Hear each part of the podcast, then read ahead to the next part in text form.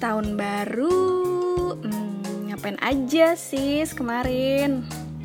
Aku paling cuma Netflix kan doang. Iya sih, maksudnya lebih ke yang kayak ya udah kita punya waktu untuk uh, liburan ini ya cari hiburan ya nonton film. Hmm, me time, quality time. Bener-bener apalagi saat pandemi kayak gini kan uh, mau ngumpul-ngumpul sama keluarga besar juga agak-agak masih worry ya eh by the way kita nih belum nyapa ini loh belum nyapa pendengar kita hari ini loh sampai lupa halo sampai lupa selamat datang di definisi diskusi dan film ataupun topik terkait isu terkini yang informatif bersama Fitsi Episode kali ini bakalan dipandu bersama gue, Indana, dan ada Meilinda. Halo, ada aku juga. Selamat tahun baru teman-teman. Sista, selamat tahun baru juga. Tahun baru, semangat yang baru. Nah, kita mau ngobrolin apa nih hari ini, sis? Ngomongin tahun baru, mm-hmm. biasanya kita ngomongin apa ya? Sesuatu yang baru, termasuk karya baru, ya kan? Oh, ya. Nah, buat kamu yang mantengin Instagramnya @fitsi_id, pasti bakalan ngeh kalau kita bakalan rilis satu film pendek original terbaru, judulnya Marta Rombo, karya Bani Nasution. Nah, Bani ini adalah pemenang Fitsi Gold Award Jury ID 2019 yang salah satu hadiahnya adalah dana produksi dan didukung oleh Fitsi Studios Indonesia. Uh, lancar ya, Bu? Fitsi hmm, Studios. baca nih. biar nggak ada yang miss informasi gitu nyampe Fitzy Studios tuh apa sih kak? Uh, Studios Indonesia adalah bagian dari Fitzy yang membuat dan juga masarin film dan juga serial originals yang dibangun dari komunitas uh, jejari pembuat oh. film. Uh, pembuat film Fitzy ya, ya dan kita juga ada insight-insight gitu buat audiens. Salah satunya ya Marta Rombo ini. Hmm jadi supaya uh, film-film yang dibikin selain mendukung komunitas juga tepat sasaran ya kepada audiens ya. Ya nggak sih sis? betul termasuk kamu-kamu yang dengerin ini. Wah menarik banget ya Marta Rombo. Yuk kita bahas lebih dalam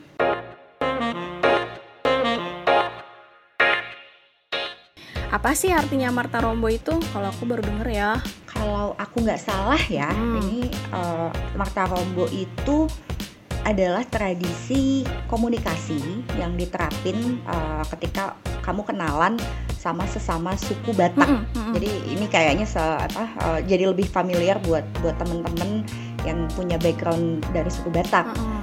Kalau menurut pemahamanku sih in a nutshell Mata Rombo itu kayak semacam tradisi kali ya buat membentuk tali persaudaraan lewat nyari hubungan marga itu apalagi kan kalau ini suku Batak tuh lumayan erat banget ya soal urusan nama marga. Jadi menarik ya, ternyata ada juga tradisi di sana ya. Maksudnya ada istilah tertentunya juga gitu, tradisi untuk um, mengenal dan menelusuri kembali persaudaraan, mencari hubungan marga itu sendiri kan ya. Nah, Iya, jadi kan marga atau nama keluarga masih dipegang erat banget ya sama uh, teman-teman kita dari suku Batak, seperti yang bisa kalian saksikan sendiri nanti di Marta Rombo. Yang bikin aku jadi penasaran tuh kalau di Manado sendiri gimana sih, Mei? Oh iya, FYI dulu nih buat teman-teman ya. Aku tuh dan Sis Indah ini sesungguhnya walaupun berdomisili di Jakarta tapi kita itu berdarah Sulawesi ya Sis. Yoi. Aku berdarah Manado, Sulawesi Utara. Nah, Sis Indah ini berdarah Bugis ya salah satu suku adat di Sulawesi Selatan, bukan begitu? Nah, betul. Nah, Kenapa hmm. buat aku film pendek Marta Rombo ini jadi menarik banget karena filmnya sendiri kan cerita tentang perjalanannya Bani Nasution ya. Dia lahir dan besar di Solo dan nggak pernah uh, tahu banyak tentang akar keluarga Nasution di di Sumatera Utara. Jadi film ini tuh menceritakan tentang perjalanan mencari akar keluarga yang buat menurutku sih bang relatable banget ya terutama buat kita kita yang tinggal jauh dari tanah asal budaya sama suku kita. Nah kan di Indonesia tuh banyak banget nih suku tapi yang yang bikin aku, memantik pertanyaan aku setelah nonton film ini adalah seberapa dekatkah kita akan akar budaya suku kita masing-masing? Ini pertanyaan yang benar-benar bikin kalau aku pribadi sih jadi refleksi ke diri sendiri juga ya ya mm-hmm. bisa dibilang mungkin uh, di episode ini tuh jadi kayak semacam confession ketika ditanya pengakuan dosa. seberapa dekat mm pengakuan dosa ya ketika ditanya mm. seberapa dekat uh, kita dengan akar budaya masing-masing uh, buat aku sejujurnya jadi menelusuri kembali asal usul akar budaya itu sendiri sih karena selama ini aku pribadi besar di Pulau Jawa, lahir di Jakarta, mencari nafkah, Cailah mencari nafkahnya di Jakarta. Secara suap nasi. Sejujurnya, mm -mm, tidak terlalu memahami secara detil kebudayaan dari Sulawesi Utara itu sendiri. Kalau hmm. orang Manado ini ada istilahnya loh sis. Apaan tuh? Orang kalau anak Manado yang nggak paham hmm. sama uh, akar budaya itu disebut Manado Card. Oh, kayak Jadi, ya? Ini hmm, salah ibu. Salah ya. Manado Card itu card, apa? Uh, jadi card itu itu bahasa Belanda sis. Oh wow. Jadi ada beberapa bahasa uh, istilah-istilah di Manado juga yang memang dia tuh penyerapan dari bahasa Belanda karena kan pada masa mm. dijajah dulu mungkin meninggalkan beberapa ini ya uh, sisa-sisa serapan bahasanya mm -hmm. itu. Nah, mm -hmm. kart itu di bahasa Manado arti eh sorry bahasa Belanda artinya peta. Mm -hmm. Jadi Manado kart itu anak mena, anak Minahasa yang hanya mengetahui nenek moyang itu cuma dari peta doang. Sedih mm. gak sih? Ya nggak apa-apa. Aku juga aku juga sebagai orang Bugis cuma tahu nenek moyangku serang pelaut dari lagu. Uh, Oke. Okay. Nenek moyangku. Oke. Oke, sebenarnya mungkin bisa kali ya kita mulai ngomongin dari dari marga nih, misalnya. Kan kayak nama kamu tuh as, uh, nama panjangnya Mei itu sebenarnya Melinda Cecilia Mako Bombang ya. Bener ya? Moko Bombang, Ibu. Mako Bo Moko Bombang Moko kan salah. Maaf, mohon maaf. Mm -mm. Moko Bombang. Tolong jangan jangan jangan jangan di ini. Nah, kalau dari suku Batak kan marga tuh jadi salah satu identitas ya dalam masyarakat keseharian. Betul. Nah, kalau uh, Moko Bombang uh, sendiri di di Mina, di Minahasa tuh kayak gimana sih, Meng? Kalau di Minahasa kayaknya kurang lebih sama seperti uh, orang Batak bahwa marga itu adalah identitas. Nah, kalau ngomongin soal marga ini sebenarnya uh, uh, disclaimer dulu ya. Mm-hmm. uh, mungkin banyak yang uh, banyak informasi-informasi yang karena aku juga kan masih masih baru belajar ya tentang akar budayaku sendiri. Okay. lebih baik memulai untuk belajar nggak sih daripada iya. tidak mengetahui sama sekali? Lebih baik terlambat daripada tidak sama sekali teman-teman. Oh iya begitu lebih tepatnya gitu. Okay. Uh, eh, jadi mungkin kalaupun misalnya ntar banyak uh, informasi-informasi yang kurang detail atau salah ya uh, mohon koreksi dari teman-teman juga bisa juga mungkin nanti di komen ya di mm-hmm. di postingan Instagram kita ada informasi-informasi penting yang uh, patut kita ketahui teman-teman bisa juga sharing kita sharing-sharing mm. lah di sini intinya. Iya. Yeah. Balik lagi ngomongin marga nih. Mm-mm. Kalau marga di masyarakat Minahasa itu masih patriarkal patriarkal gitu loh sis masih mm -hmm. diambil dari nama ayah kan okay. nah jadi kalau sebenarnya kalau perempuan menikah uh, sama nanti kalau misalnya dia kan sebenarnya kita udah punya marga nih dari mm -hmm. uh, ayah nah marga ini ketika kita nikah sama orang lain, marganya jadi berdampingan sama marga. Let's say misalnya oh. nanti aku nikah sama orang Manado lagi, marganya berdampingan jadinya. Tapi oh, untuk gitu. kepentingan birokrasi, okay. tetap kan ya ada ada ha, tertulisnya ha, kan. Itu ha. yang ditertuliskan itu hanya dari marga suamiku kelak nanti jikalau aku nikah kamu menikah sama, sama orang, orang Manado Manado lagi okay. gitu menarik menarik nah lalu menarik ya sis mm -hmm. uh, nah sebenarnya kalau marga yang berdampingan ini itu tuh katanya ada pengaruh dari budaya Spanyol dan Portugis gitu loh sis oke okay Terus uh, si marga aku ini khususnya untuk Moko Bombang, kampung mm -hmm. kami itu kan uh, di Bolang Mongondo. Mm -hmm. Bolang Mongondo itu adalah salah satu kabupaten di uh, ibu kotanya itu namanya Kota Mobagu. Mm -hmm. Nah, ada yang menarik ternyata di Kota Mobagu itu mayoritas penduduknya tuh muslim. Oh, okay. Kan selama ini orang selama ini kan orang-orang taunya Manado tuh uh, mayoritasnya muslim uh, ya mayoritasnya uh, Kristen gitu kan mm -hmm. tapi ternyata ada sebuah kabupaten yang memang di situ katanya orang muslim semua gitu wow oke okay. nah kalau Sista gimana Hmm, setahu aku ya, setahu aku, lagi-lagi ini mm -mm. karena aku sangat tercerabut, Bugis yang sangat tercerabut dari akar bisa tolong dikoreksi teman-teman yang dengerin dari suku Bugis yang enggak Bugis nggak kayak gitu. Oke. Nih sepe, yang se, sepengetahuan aku tuh sebenarnya Bugis tuh nggak nggak nggak terlalu pakai nama marga gitu sih. Tapi okay. uh, eh, tapi kalau misalnya kita salah apa uh, ada salah satu dari nenek moyang itu sebenarnya punya gelar bangsawan itu bakalan apa ya bakalan disematkan lah di, di di bagian depan jadi kalau di uh, okay. di, di budaya Jawa mungkin kayak Raden kali ya. Oh iya iya iya. Nah banyak dulu temen sekolah aku tuh nama depannya tuh diawali sama kata Andi baso mm -mm bese bese. Aduh aku lupa. Salah salah bese bese atau sama ini terakhir itu tenri. Tenri, ah, iya, iya. Uh, Tenri juga lumayan banyak uh, ya. Tenri lumayan banyak. Nah, ini menarik sebenarnya kata papahku sih sebenarnya kalau mau waktu aku lahir itu sebenarnya namaku tuh diawali dengan uh, salah satu dari empat kata tersebut. Oke. Okay. Karena masih ada ini kan, masih ada apa? Masih ada katanya sih. Ini kan katanya ya. Aku juga nggak gitu percaya. Nah, karena sebenarnya kan aku ini ya half uh, apa half blood gitu loh darah campuran Allah Oke. Okay. Aku kan Jadi Bugis tapi juga Sunda. panjang ya namanya mm -mm. ya. Bugis kalo ada, di, Sunda jadi, ada gitu kan. Jadi kalau kalau Jadi namaku kan udah ya? Iya mungkin bisa jadi jadi Andi Indana gimana gitu. Andi Indana Veta Putri Aduh apa? panjang udahlah namaku aja aslinya udah ya? panjang sekali udah kayak panjang sekali seperti kereta api udahlah nggak perlu ditambahin gelar-gelar lagi. Nah masalahnya tuh sebenarnya papaku tuh jarang banget cerita tentang akar keluarga dari suku Bugis. Jadi dulu hmm. dulu aku lebih sering menganggap diriku tuh orang Sunda sampai kemudian okay aku pindah aku pindah ke Jakarta dan entah kenapa aku malah kayak ngerasa kehilangan identitas diri sebagai manusia dan akhirnya uh, mm -hmm. jadi apa ya menemukan sebuah kebanggaan bahwa aku ini orang Bugis gitu loh.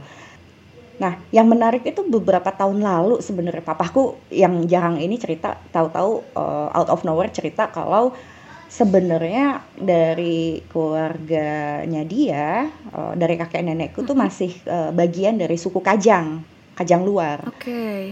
Suku Kajang ini tuh agak mirip sama Kajang. suku Baduy. Jadi ada suku Berarti ada Kajang dalam ya? Mm -mm, ada yang ada yang dalam, ada yang luar gitu. Nah, uh, keluarga hmm. papahku ini ternyata masih masih bagian dari si suku Kajang luar. Nah, suku ini masih masih ada di di sebuah kota di Bulukumba uh, dan wow. uh, sorry bukan kota uh, kabupaten Bulukumba dan masih hmm. sangat menjunjung tinggi adat dan terutama yang ini ya suku Kajang dalamnya gitu sih.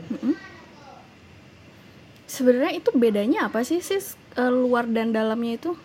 Iya kalau suku yang kajang luar ka, yang suku, suku kajang, kajang luar suku kajang dalam kalau aku nggak salah itu suku kajang dalam tuh lebih apa ya masih sangat menjaga. Jadi kalau misalnya kamu nikah nih misalnya nikah tuh hanya sama hmm. boleh sama sesama orang dalam. Kalau hmm, misalnya okay. kamu menikah sama dari orang luar suku kajang dalam uh, ya berarti kamu jadi bagian di luar kecuali kalau yang dinikahi itu mau masuk dan bener-bener mematuhi. Jadi beneran apa ya beneran kayak oh. ya kalau Harry Potter tuh kayak pure blood gitu loh kayak beneran dijaga oh my god oke. Okay.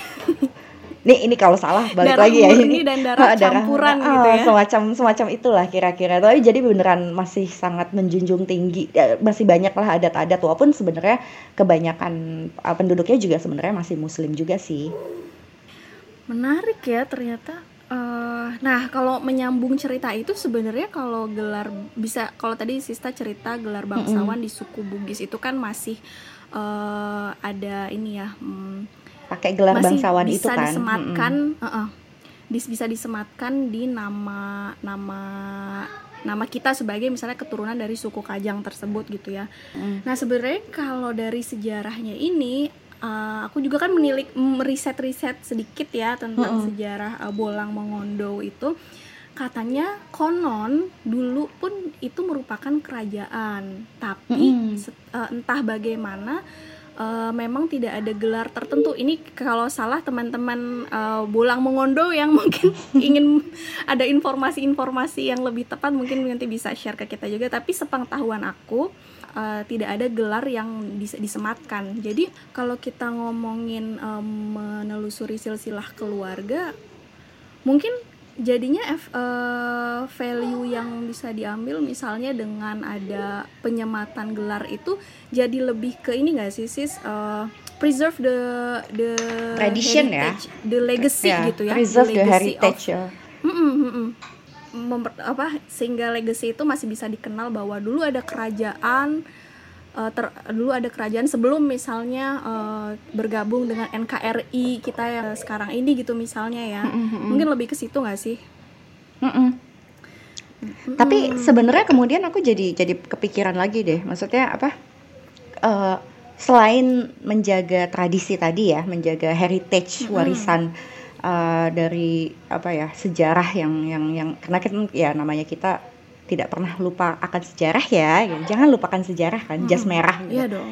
Nah, sebenarnya menurut kamu seberapa penting sih uh, buat kita yang hidup di zaman modern sekarang tuh untuk uh, mengenal asal usul keluarga dan tradisi suku kita? Hmm, ini pertanyaan yang penting ya. Kalau buat yang berat nih cukup berat pertanyaannya ketika ditanya seberapa penting mengenal asal usul keluarga? Kalau buat aku pribadi kita yang sekarang ini kita bertumbuh eh, secara individu itu kan dengan segala pengalaman yang kita alami dari kecil hingga kita dewasa kalau menurut aku itu itu yang membangun membangun personality personality kita hingga sekarang tapi darah yang mengalir di diri kita itu kan nggak bisa terpisahkan kan maksudnya maksudnya lebih ke yang kita nggak nggak bisa melepas asal usul keluarga kita dengan dengan apa ya dengan mudah mm-hmm. jadi kalau menurut aku menjadi penting karena ada sesuatu yang nggak bisa dilepaskan dari diri kita yaitu itu gen neologi ada ya namanya kalau nggak mm-hmm. salah gen genealogi apa sih ilmunya ya, tuh ada ha, ha, ada yang ya, yang yang beneran ha. kayak apa kajian uh, ilmu kajian untuk menelusuri ilmu. Mm jalur keturunan uh -huh. keluarga kita melalui sejarah gitu sih kalau menurutku menarik nah, sih menarik ngomongin penting nggak penting ada cerita dari dari teman aku lah uh, dia cerita tentang hubungan percintaannya dia ketemu sama uh, cewek yang yang cocok lah terus mereka menjalin hubungan di di tanah rantau ya ketika dia merantau mencari nafkah gitu kan. Nah ketika dibawa pulang ke rumah si cewek ini pasti kan keluarga keluarga dari kita kan pasti kan akan kepo-kepo gitu ya.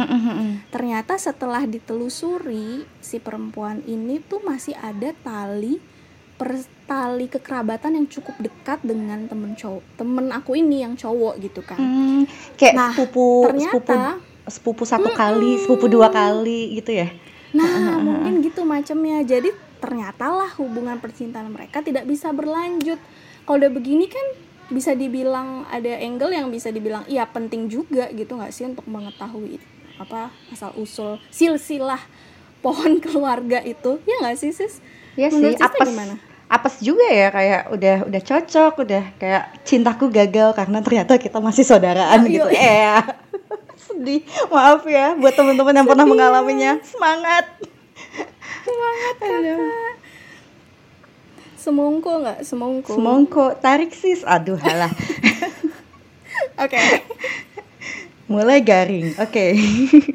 aku punya pengakuan dosa. Sejak awal dari aku bilang okay. bahwa Akuilah. sebagai sebagai orang Bugis Sunda aku sebenarnya sangat tercerabut dari akar budaya aku sendiri aku ngerasa hmm. ada yang hilang aja sih dari dari dari aku gitu kayak ngaku-ngaku jadi orang Bugis nggak tahu bahasa sama budayanya ngaku-ngaku jadi orang Sunda sama aja. Jadi aku sebenarnya ini suku apa gitu kan. Aku global citizen netral Siapakah gitu. kamu? Siapakah aku Siapakah gitu. kita?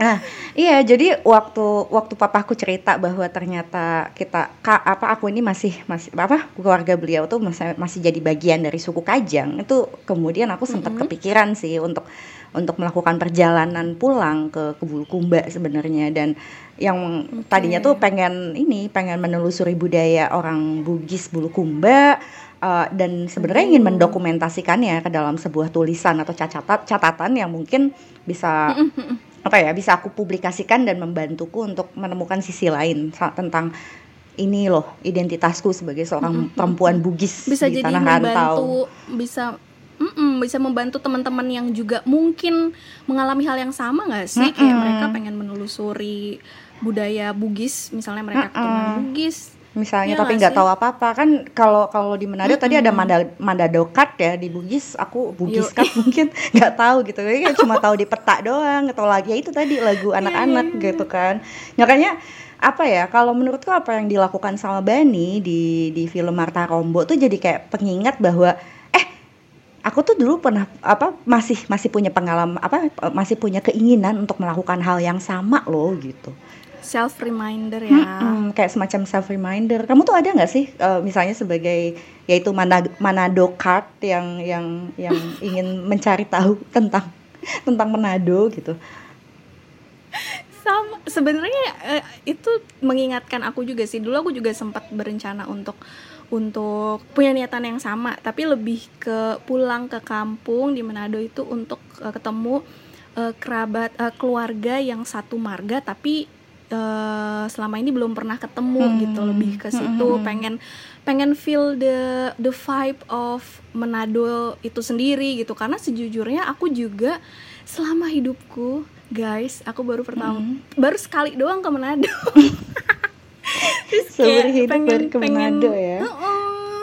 baru sekali ke Manado eh, dan pengen ada waktu eh, spend time di sana misalnya eh, dalam beberapa waktu yang lama untuk merasakan vibe-nya untuk belajar lagi lebih dalam tentang tradisinya orang-orang di sana gitu seperti apa karena kan eh, memang segala sesuatu sekarang pengetahuan bisa kita cari di Mm-mm. online di Google or something like that Mm-mm. tapi kalau kita nggak merasakan tuh kan kayaknya kurang ya experience-nya gitu Feel the ambience sih, gitu. sis. It's all about the, the Yoi. the journey. It's all about the process gitu. Mm-mm. Yoi.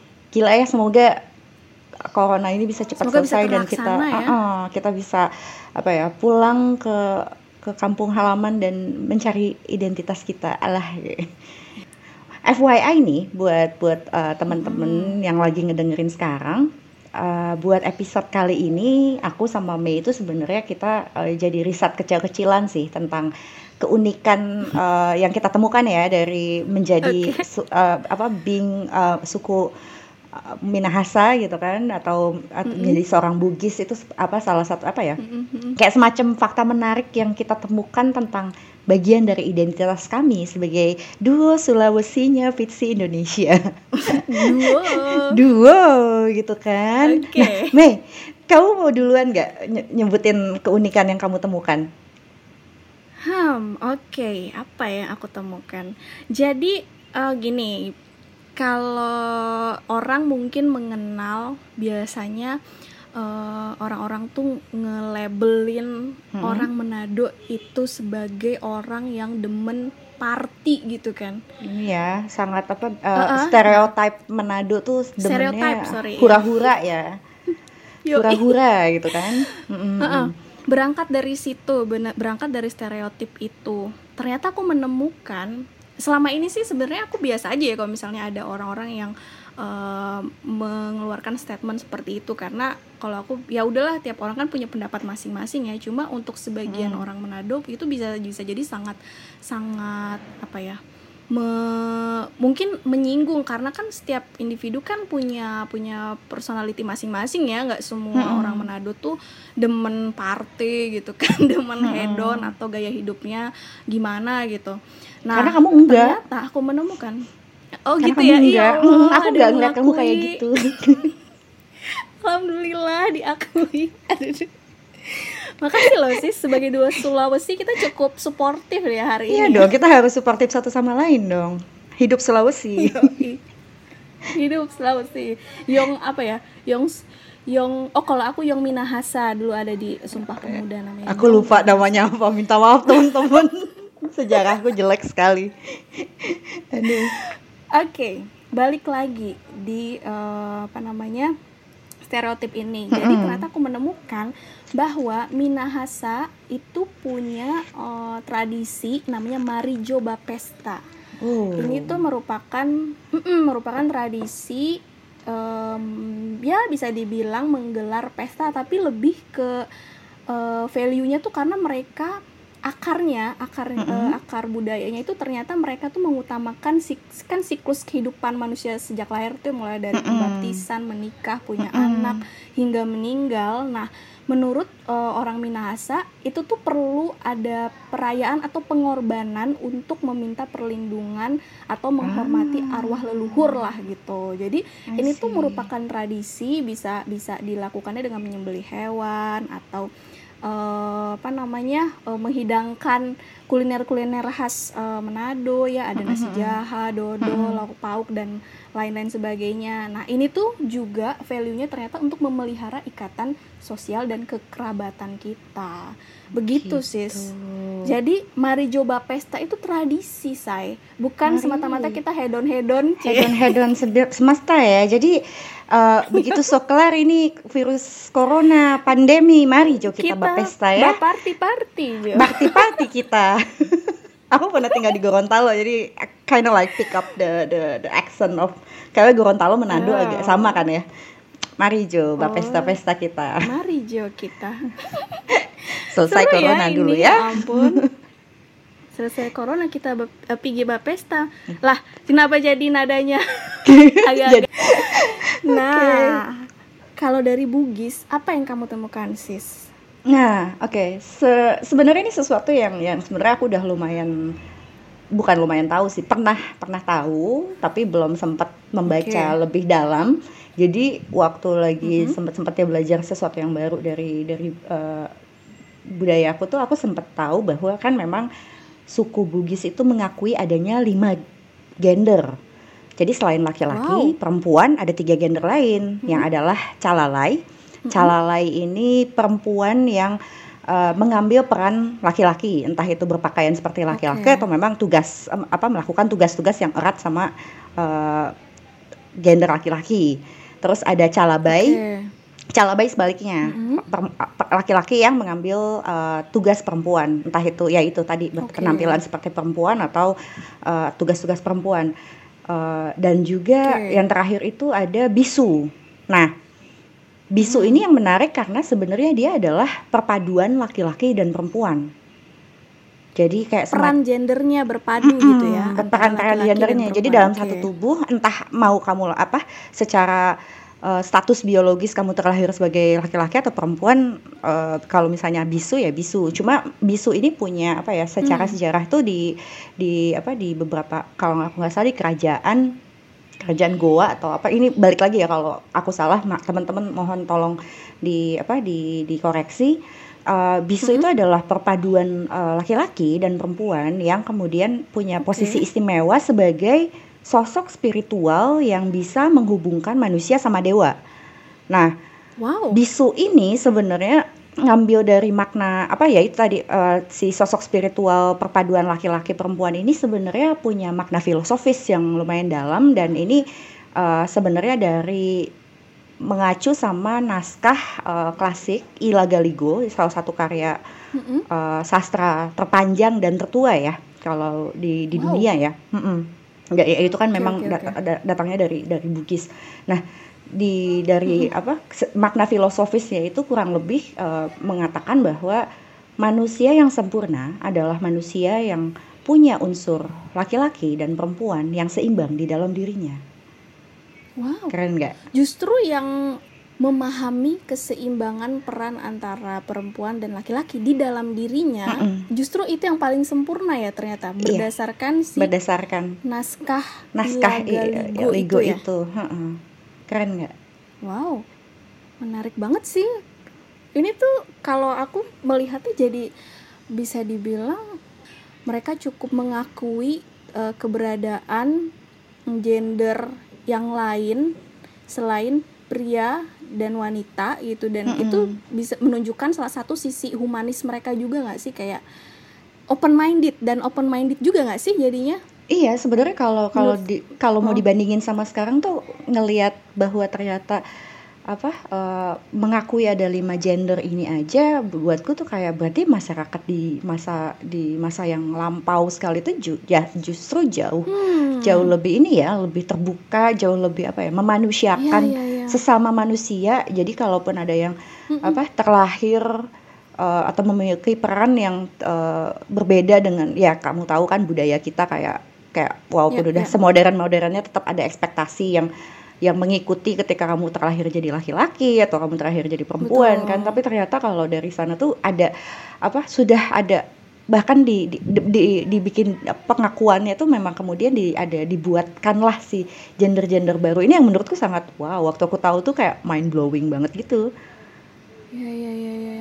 Ya aku pernah denger sih dan dan saat pertama kali denger dulu pun aku langsung wow kalau yang sekarang uh, terjadi di masyarakat itu kan ada norma-norma yang tadi yang harus harus kita jaga harus kita ini. Tapi tapi kalau di masyarakat Bugis norma-norma itu dijalankan tanpa menutup mata bahwa ada juga loh nggak cuma perempuan dan laki-laki aja peran gender mm -hmm. itu gitu. Gender itu kan uh, lebih ke peran ya, maksudnya mm -hmm. uh, walaupun raganya bukan wanita bisa tapi dia bisa melakukan peran gender pria, kenapa enggak? Begitupun sebaliknya, ya nggak sih? Iya. Malah yang yang seimbang malah yang lebih ini ya tadi apa manusia yang bisa, sempurna uh, gitu dibilangnya. Bisa memanukan unsur perempuan dan laki-laki. Kalau kalau inget-inget apa kromosom manusia itu kan apa laki-laki itu kan terakhir XY ya perempuan hmm. kan XX ya. Hmm. Kan sebenarnya di dalam tubuh laki-laki itu ada kromosom perempuan juga. Iya nggak sih kalau dipikir-pikir? Uh, iya, iya, iya. Ternyata bener -bener. ada kaitannya sama ilmu biologi gitu kan jadi hmm dalam sekali gitu jadi jadi mikirnya sampai segitu dalam, dalam Uh, dan aku juga suka banget loh sama yang baru baru tahu bahwa ternyata Marijo Bapesta walaupun sekarang jadi hmm. label yang hmm. yang apa ya lebih seringnya negatif gitu kan bahwa sebenarnya kan it's part of celebration of life ya merayakan kehidupan yes, itu sendiri yeah, segalanya exactly. dan I love you my duo Sulawesi. Hmm, iya kan, tapi iya kan maksudnya kalau di beberapa daerah uh, adat-adat di uh, suku-suku lain katakanlah misalnya kan kayak waktu hamil ada tradisi apa hmm. gitu kan waktu misalnya Betul. melahirkan ada ada tradisi apa kayak semuanya tuh sebenarnya ada bentuk-bentuk selebrasi kehidupan sih yang kalau mau ditarik sebenarnya ini uh, merayakan segala fase kehidupan ini sebenarnya ada di dalam semua budaya yang ada di yeah. Indonesia bukan cuma Indonesia aku rasa di, di seluruh dunia yeah. ya dan ini sesuatu yang sangat ya. universal yeah. kan merayakan kehidupan mm. itu sendiri betul, gila betul, gila betul. serius wow, banget kita sekarang ya value-value yang didapat nah jadi uh, apa yang dilakukan sama Bani di di film Marta Rombo itu sebenarnya menarik ya karena uh, berhasil memantik kita berdua buat jadi ikutan menelusuri yeah. tentang asal usul keluarga dan budaya walaupun kita berdua bukan Batak tapi kita berdua berharap mm-hmm. uh, bukan dari suku Batak jadi nggak bisa terlalu banyak menjelaskan tentang uh, apa apa apa apa yang ditemukan sama Bani di sana jadi baiknya yeah. sih kalian langsung nonton tapi kita bisa menawarkan apa ya perspektif yang berbeda walaupun agak mirip Betul. tapi dari apa budaya kita berdua masing-masing sebagai duo Sulawesi ini. Karena ya itu aku aku percaya sih sejatinya manusia itu memang memang harus apa memang harus uh, terus apa ya ngerut ya uh, mengakar sama ya. tanah gitu loh. Nggak bisa kita tercerabut dari akar dan nggak tahu sebenarnya identitas itu itu apa gitu. Betul betul. Bani ini terima kasih bahwa sudah menjadikan uh, apa memunculkan self self reminder buat aku dan Sista juga ya jadinya ya. Nah ini teman teman untuk next episode Bani tuh nanti akan lebih lebih cerita lagi sih lebih dalam tentang apa yang dia temukan di tanah uh, tanah asal usulnya dia di Sumatera Utara itu sih. Jadi teman-teman nih harus stay stay tune juga untuk next episode. Kalau aku sih berharapnya juga ya ini kan uh, pertanyaan bisa jadi refleksi kita semua juga ya termasuk ya teman-teman di rumah uh, jadi pertanyaan lagi apakah kamu sudah mengenal asal usul keluargamu? Ayo jawab hmm. teman-teman. jawab ya nanti kalian komen atau mungkin bisa sharing tentang pengalaman kalian hmm. apa ya menelusuri pengalaman apa menelusuri akar uh, asal usul budaya bisa lewat DM kita di Instagram atau mungkin bisa komen. Pokoknya lewat email pokoknya lewat semuanya kita pengen denger cerita teman-teman. Nah cerita dari para pencerita ya. Mm-mm, cerita dari para pencerita. Hoi. Makin penasaran kan sama Marta Rombo, originals terbarunya Fitsi. Nah, Marta Rombo atau dalam judul lainnya adalah Nama Keluarga bakalan tayang di Fitsi pada tanggal 23 Januari 2021. Ingat ya, 23 Januari 2021. Ingat ya, 23 Januari 2021. Tuh, Udah, udah, diulang tiga kali. Ngulang lagi dapat piring Biar cantik kalian. ya. Mm-mm. ngelotok. Oke deh teman-teman, terima kasih buat teman-teman yang udah stay dengerin kita dua Sulawesi ini hmm, meng- melakukan sebuah confession di episode ini gitu kan. Jangan lupa teman-teman definisi apa follow definisi by Fitsi tentunya. Sampai ketemu di episode selanjutnya. Pamit Dadah. dulu. Dadah. Pamit dulu.